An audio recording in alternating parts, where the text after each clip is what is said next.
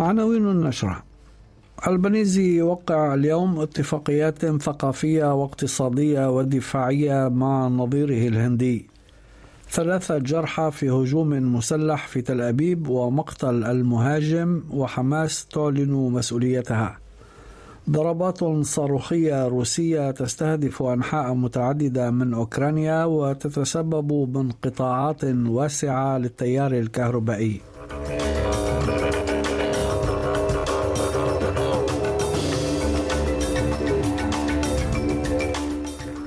هاشم الحداد يحييكم وإليكم التفاصيل. تعليقا على تقارير إعلامية أشارت إلى أن أستراليا ستسعى للحصول على نوعين من الغواصات العاملة بالدفع النووي في إطار تحالف أوكوس الدفاعي مع الولايات المتحدة وبريطانيا أكد وزير الدفاع ريتشارد مارلز اليوم أن الغواصات التي تملكها البحرية الأسترالية حاليا هي غواصات متطورة وقادرة على تنفيذ المهام المطلوبة منها مشيرا إلى أنه لن يكون هناك فراغ أمني بانتظار دخول الغواصات النووية الجديدة الخدمة. I'd want to give people a sense of confidence that the submarines that we have right now, the Collins class submarines, are, are really capable submarines in, in 2023. So uh, we, we have a capability. I've, I've uh, spent time on those submarines, and it's it's uh, uh very uh, it's a very good capability. But the question is whether or not it will be the same capability in the mid 2030s, which is why we've got to be thinking about that right now. And really, uh, the whole steps that we're taking here is about making sure that with our submarine capabilities we are able to grow that, that it remains potent. ومن المقرر أن يلتقي رئيس الوزراء أنتوني البنيزي مطلع الأسبوع المقبل بنظيره البريطاني ريتشي سوناك وبالرئيس الأمريكي جو بايدن في قاعدة سان دييغو البحرية الأمريكية في كاليفورنيا لمناقشة الشراكة الأمنية الثلاثية.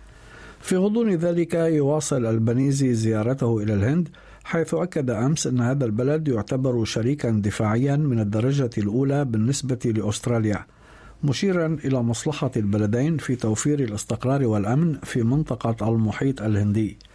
وقال البنيزي قبل قليل في مؤتمر صحفي إنه سيجري محادثات مع نظيره الهندي ناريندرا مودي في نيودلهي وسيوقع معه في وقت لاحق على اتفاقات لتعزيز العلاقات بين البلدين في المجالات الثقافية والاقتصادية والدفاعية. I expect today to uh, sign agreements with Prime Minister Modi around the three themes of this visit and the three themes in which we're building relations. Uh, firstly, cultural ties. In economic uh, areas, uh, we will also have agreements, including in clean energy. Uh, we think, in particular, in solar, there are enormous opportunities. And then the third element, of course, is national security. أفادت الشرطة الإسرائيلية بإصابة ثلاثة أشخاص بجروح في هجوم مسلح نفذه فلسطيني مساء أمس في شارع ديزنغوف في تل أبيب مشيرة إلى مقتل المهاجم برصاص الشرطة. وتزامن الحادث مع تظاهر معارضين لخطة الإصلاح القضائي الحكومية في أماكن أخرى من المدينة. وتبنت حركة حماس المسؤولية عن الهجوم مؤكدة انتماء منفذه إليها مشيرة إلى أنه أسير محرر من قرية نعلين القريبة من رام الله. وأكدت حماس أن العملية جاءت ردا على جرائم الاحتلال الأخيرة في إشارة إلى مقتل ثلاثة فلسطينيين أمس خلال عملية عسكرية إسرائيلية في شمال الضفة الغربية المحتلة. وفي مداخلة تلفزيونية قصيرة تمنى رئيس الوزراء الإسرائيلي بنيامين نتنياهو الذي يقوم بزيارة رسمية إلى روما الشفاء العاجل للجرحى مشددا على أن قوات الأمن الإسرائيلية ستواصل مكافحة الإرهاب. and we strengthened the security forces and the police. We're fighting terrorists this night and every night. We will continue to uh, build our nation, to deepen our roots, uh, and to build our common future as brothers and sisters. ويأتي الهجوم في جو من التوتر الشديد وتصاعد ملحوظ في العنف المرتبط بالنزاع الإسرائيلي الفلسطيني منذ تولي واحدة من أكثر الحكومات يمينية في تاريخ إسرائيل السلطة في نهاية كانون الأول ديسمبر الماضي. ومنذ بداية العام الجاري أودى النزاع بحياة 76 فلسطينيا و12 إسرائيليا. أعلنت وزارة الدفاع الروسية أمس أن الجيش الروسي شن قصفا مكثفا على أوكرانيا ردا على ما وصفته بتوغل لإرهابيين أوكرانيين في الثاني من الشهر الجاري في منطقة بريانسك الروسية الحدودية مع أوكرانيا.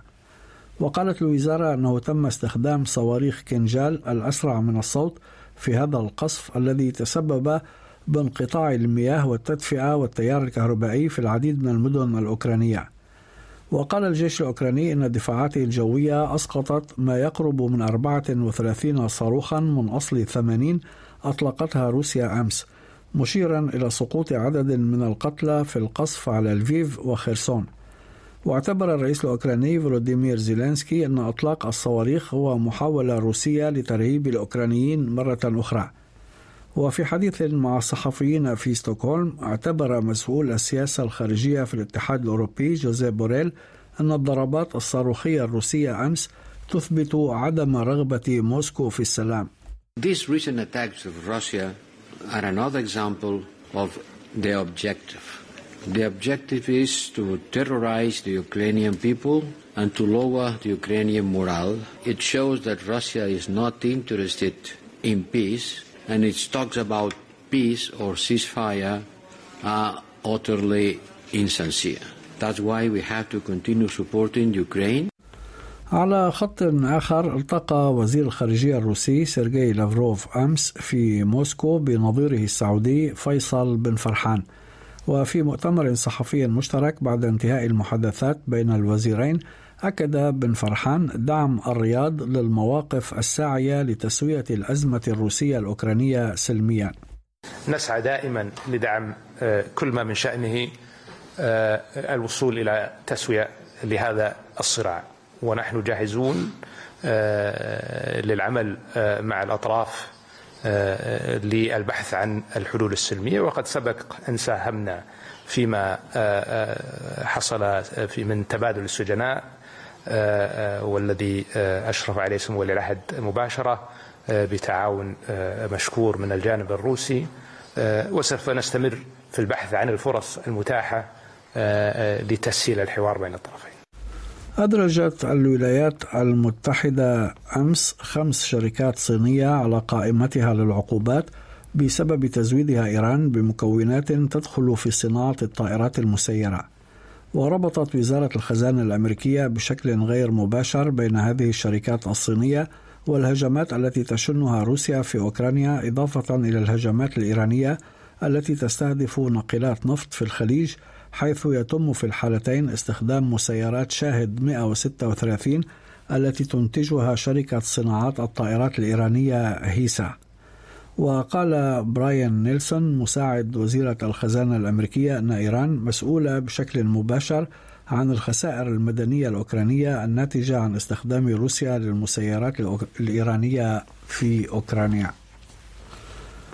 أعلنت وسائل إعلام ألمانية أن سبعة أشخاص على الأقل قتلوا وجرح سبع آخرين أمس في إطلاق نار داخل كنيسة في مدينة هامبورغ شمال البلاد.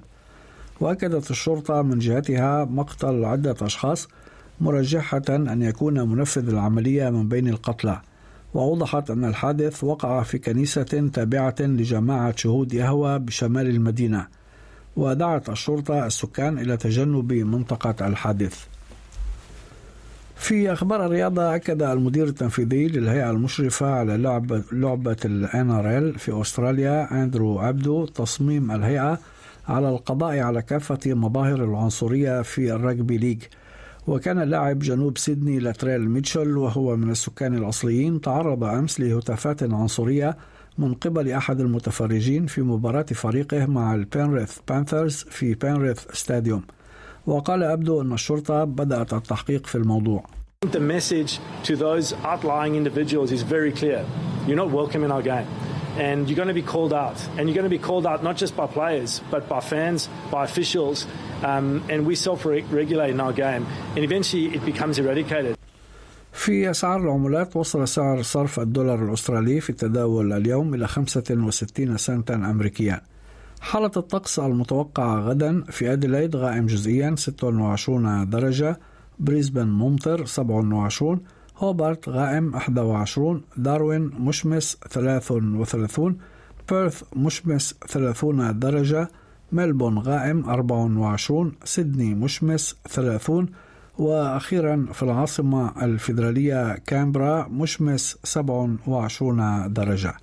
كانت هذه نشرة الأخبار المفصلة أعدها وقدمها لكم هاشم الحداد. شكرا لإصغائكم.